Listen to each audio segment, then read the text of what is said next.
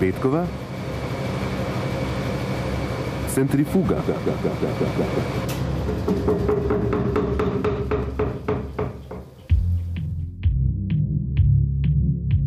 Zadovoljnemu človeku se zdi vsak plevel roža, nezadovoljni pa vsaki roži vidi plevel. Finski pregovor.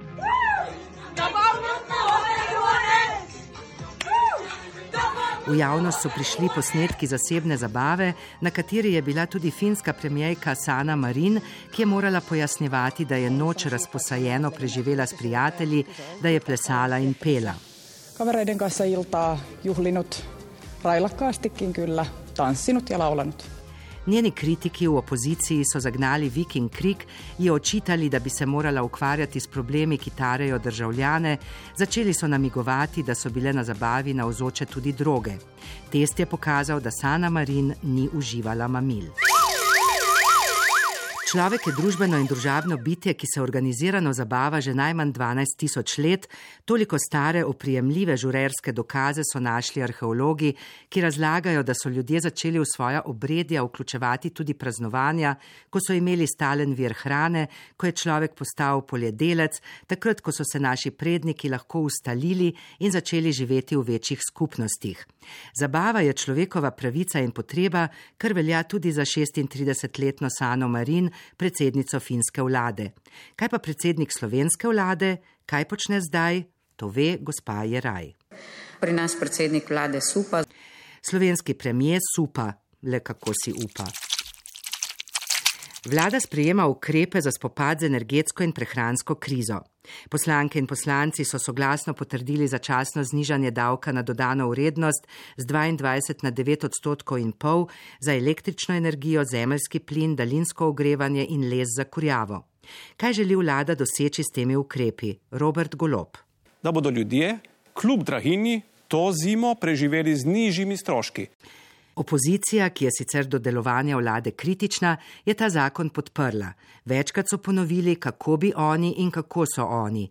Matej Tonin, NSI. Naša vlada je delala zelo hitro. Po energentih se bodo lotili hrane, je povedal Golob, prihodnje leto pa napovedujejo pomoč gospodarstvu. So že kakšne razpoke in praske v koaliciji? Praske so, praske bodo, ampak kljub temu je ta koalicija in to je dobra novica najtrdnejša koalicija kadarkoli v zgodovini Slovenije. Ogrožena je stabilnost zdravstvenega sistema, sporoča vlada. To je slaba novica, pacijenti jo že dolgo poznajo, zagotovo pa maja v zdravstveni sistem na svoji koži boleče občuti več kot milijon ljudi, ki čakajo na zdravstveno storitev, 260 tisoč bolnikov, ki so v vrsti za prvi pregled, od tega skoraj 60 odstotkov nad najdaljšo dopustno dobo. 30 javnih zdravstvenih zavodov je poslovalo z izgubo, skupaj se je nabralo že 50 milijonov evrov, od tega je 28 milijonov evrov izgube pridelal UKC Ljubljana. Po moji osebni oceni bi ob takih številkah in ob vseh zamujenih rokih direktor UKC Ljubljana moral takoj odstopiti. Zaradi rdečih številk, zamujenih rokov pri obnovi UKC in dolgih čakalnih dob je ministr za zdravje Daniel Bešič Loredan javno pozval generalnega direktorja Ljubljanskega kliničnega centra naj odstopi. Druge možnosti nimam, kot da gospoda javno pozovem, vse ostalo je pa seveda na svetu zavoda. Generalni direktor UKC Ljubljana Jože Golobič je za poziv ministra, da naj odstopi, izvedel iz medijev. Vzel si je nekaj časa za razmislek in sporočil, da ne vidi razloga za odstop z položaja. Če kdo omeni digitalno vključenost, se spomnim na slušalke, ki so jih mladi množično kupovali za digitalne bone. Starejši od 55 let pa se mora, če želi dobiti digitalni bon, udeležiti računalniškega izobraževanja, ki traja 9 ur.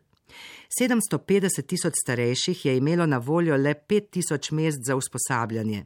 In čemu je bilo učenje namenjeno?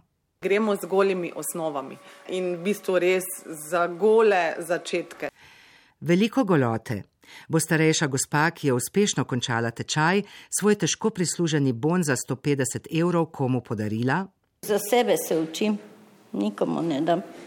Služba za digitalno preobrazbo, ki je revolver idejo za digitalne bone podedovala od predhodnikov, je zaradi številnih nepravilnosti, ki so jih odkrili pri izvedbi in izboru izvajalcev, zahtevala takojšno začasno ustavitev teh izobraževanj. Predloge za obravnavo diskriminacije starejših sta prijela tako zagovornik načela enakosti kot varuh človekovih pravic. Oba sta kritična do zakona o spodbujanju digitalne vključenosti, s katerim so digitalne bone uvedli.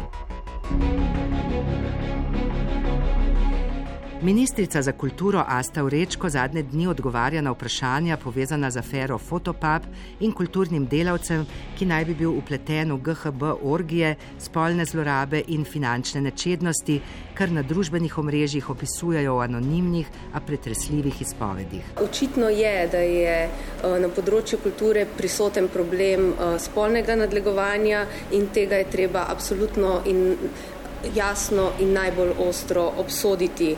Policija preverja informacije o sumih kaznjivih dejanj in poziva priče in žrtve naj ta dejanja prijavijo. Katja Bašič, nekdanja kriminalistka in ustanoviteljica Združenja proti spolnemu zlorabljanju, je v odmevih razložila, da lahko policija začne predkazenski postopek, ko je prijavljen sum, da se je zgodilo kaznivo dejanje. In to prijavo so na policiji imeli. Zakaj se žrtve spolnega nasilja tako težko odločijo za prijavo? Prijave žrtev prihajajo takrat, kadar se žrtve čutijo nekako podprte, da tukaj ni dvomov v njihovo uh, govorenje, kadar se čutijo, bom rekla, spodbujene tudi. Po pričevanjih, objavljenih na spletu, so se začele širiti najrazličnejše govorice, namigovanja, zaradi katerih daleč naokrog padajo sence in obtožbe na račun vseh, ki so bili kadarkoli in kakorkoli v stiku z novomeškim kulturnikom in fotopabom. Poslanska skupina SDS zahteva poročilo o financiranju kulturnih zavodov, Asta Vrečko ocenjuje, da je to vojna napoved nevladnim kulturnim organizacijam in stranki Levica. Zdenka Badovinac, nekdanja dolgoletna direktorica Moderne galerije, ki od marca vodi Muzej sodobne umetnosti v Zagrebu, je povedala, da želijo to afero izkoristiti tradicionalni sovražniki sodobne umetnosti, ki umetnike povezujejo z družbenimi paraziti. Zdaj bo rekli, da so še sprevrženci, da so kriminalci. Družba naj se v prvi vrsti sooči z dejstvom, da so spolni delikti hud in velik problem, saj bo to spremenilo tudi odnos do žrtev nasilja, ki jih je treba poslušati in pomagati jih zaščititi.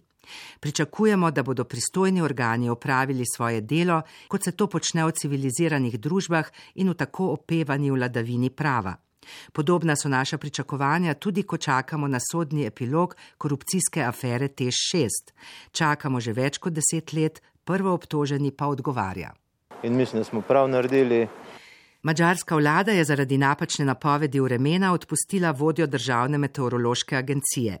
Nevihta je spremenila smer, prizadela vzhod države, Budimpešto, kjer naj bi bil velik ognjemet, ki so ga zaradi vremenske napovedi odpovedali, pa je zaobšla. Meteorologi niso naredili strokovne napake, ker se spremembe ni dalo predvideti. Orbanovski način iskanja krivcev in kaznovanja neposlušnih pa ni značilen le za Mačarsko. Od začetkov radija in televizije so se v programe radi prikradli nenamirni spodrsljaji, ki so včasih celo prikupni. Tako je napovedovalec pred mnogimi leti v poročilih prebral, da je imela balerina na premjeri dobro rit, ker je bil drugi del besede ritmika zapisan v naslednji vrstici. Takrat so delili besede, ne ljudi, balerina pa je imela dobro ritmiko. V živem programu se živemu človeku še vedno zgodi vse živo. Kako se na delovanje levo-sredinske vlade v skoraj prvih stotih letih, eh, pardon, dneh odzivata predstavnika parlamentarne opozicije? Totalitarizmi oziroma avtoritizmi. Direktor televizije Slovenija Uroš Urbanija od odgovorne urednice informativnega programa Jadranke Jebernik, oprostite Rebrnik, pričakuje, da bo voditelju dnevnika Saši Krajncu in urednici Vesni Pfeiffer določila druge naloge. Razlog je napoved prispevka o odpovedi poslovnega sodelovanja z mladino v TV dnevniku, v katerem je Krajnc povedal, da prispevek objavljajo po izrednem navodilu Rebernikove. Za spodrsljaje se vedno upravičimo. V teh dneh pa se je začelo v usporednem medijskem svetu pisati novo poglavje objavljanja upravičil, popravkov in prikazovanja nasprotnih dejstev. Za neprimeren tekst se gledalcem ponovno opravičujemo. Novinarski sindikati so na generalnega direktorja RTV naslovili poziv, da začne postopek za razrešitev direktorja televizije Slovenija Uroša Urbanije zaradi pritiskov na voditelja Saša Krajnca in urednico Vesno Pfeiffer, kar je bila novica tega tedna. Dejan Koban protestira s poezijo. Tako so pred vrati pisarne, ki jo zaseda Urbanija, odmevale besede Tomaža Šalamuna. Toda, kjerkoli si, v karkoli so te upeli, samo to veš, da moraš. Tonski mojster Jrnej Boc in novinarka Tatjana Pirc sva pripravila petkovo centrifugo. Se upravičujem zaradi opravičil in že popravljam popravek popravka.